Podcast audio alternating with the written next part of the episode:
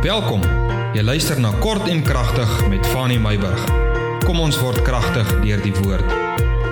Ek vertrou jou nagrus was vir jou soet gewees. Genesis 3 vers 7 tot 11. En ons het laas jaar het ons mos 'n bietjie gewerk deur Genesis en daar is die verhaal van eintlik die sondeval, nê? Adam en Eva wat die vrug geëet het en Nadat hulle die vrug geëet het, nê? Nee, julle weet mos nou hoekom het hulle die vrug geëet? Nadat hulle die vrug geëet het, toe kruip hulle weg want hulle is naak. En toe die Here vir hulle vra, "Waar is julle? Hoekom kruip julle weg?" Toe kruip hulle weg, toe sê hulle, "Want ons is naak." Hulle het hulle naaktheid gesien nadat hulle in sonde verval het, in ongehoorsaamheid verval het. Ewe skielik, hulle was nog altyd naak. Maar God het nooit vir hulle nodig gehad om vir hulle te sê julle is naak nie, want hulle het nooit dit gesien nie. Dit was nie nodig om dit raak te sien nie. En hier kom God na hulle toe nadat hulle vir die Here sê ek is naak. Toe vra die Here vir hulle. Hoor wat vra hy? En hy sê, God sê, wie het jou te kenne gegee dat jy naak is, Adam? Wie het vir julle gesê julle is naak? Ek het dit mos nie vir julle gesê nie. Weet jy wat? Ek sien dat hulle dit weggekruip En ek dink een van die groot redes hoekom hulle weggekruip het is jy sekerlik omdat hulle naak was, nê. Hulle het hulle vrymoedigheid teenoor die Here verloor. Dis hoekom hulle weggekruip het. Jy weet ek het gevind dat 'n vrymoedige mens 'n bly mens is. Want onthou, ek wil met jou vandag gesels oor vrymoedigheid en blydskap. 'n Vrymoedige mens is 'n bly mens.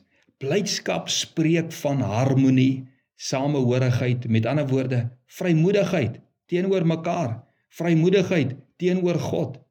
Adam en Eva het in vrymoedigheid teenoor God gelewe. Hulle het niks nodig gehad om weg te steek vir die Here nie. Hulle was nie skaam oor niks nie.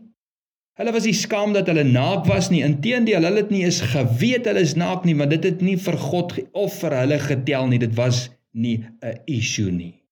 Hulle het in samehorigheid met God geleef. Daar was nie swaarmoedigheid nie. Maar iets het gebeur.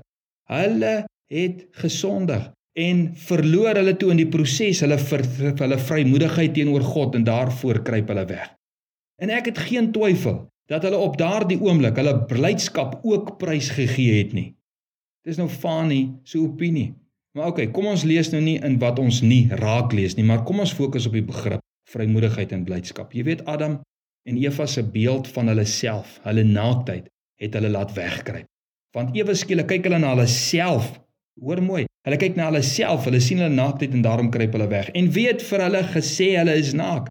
God het nie vir hulle gesê nie. Hulle het iets in hulle self gesien wat net sonde oop geopenbaar het. En sonde het gekom deur die Satan waarna hulle geluister het. Baie kinders, tieners, jong mense, groot mense het totaal en al hulle blydskap in die lewe en in die Here verloor oor die beeld wat hulle in die spieël van hulle self sien. Ek wil hê jy moet hoor die uiterlike beeld van aansien, maar ook die innerlike beeld van sonde wat gepleeg is in hulle verlede. Hierdie blydskap het verlore gegaan omdat hulle nie goed genoeg voor God en mense voel nie en raak ons daarom onvrymoedig teenoor God en mense.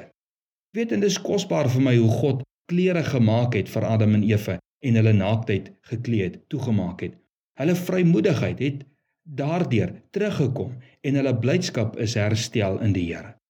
As jy in die spieël kyk vandag, wat neem jou vrymoedigheid voor God en mense weg?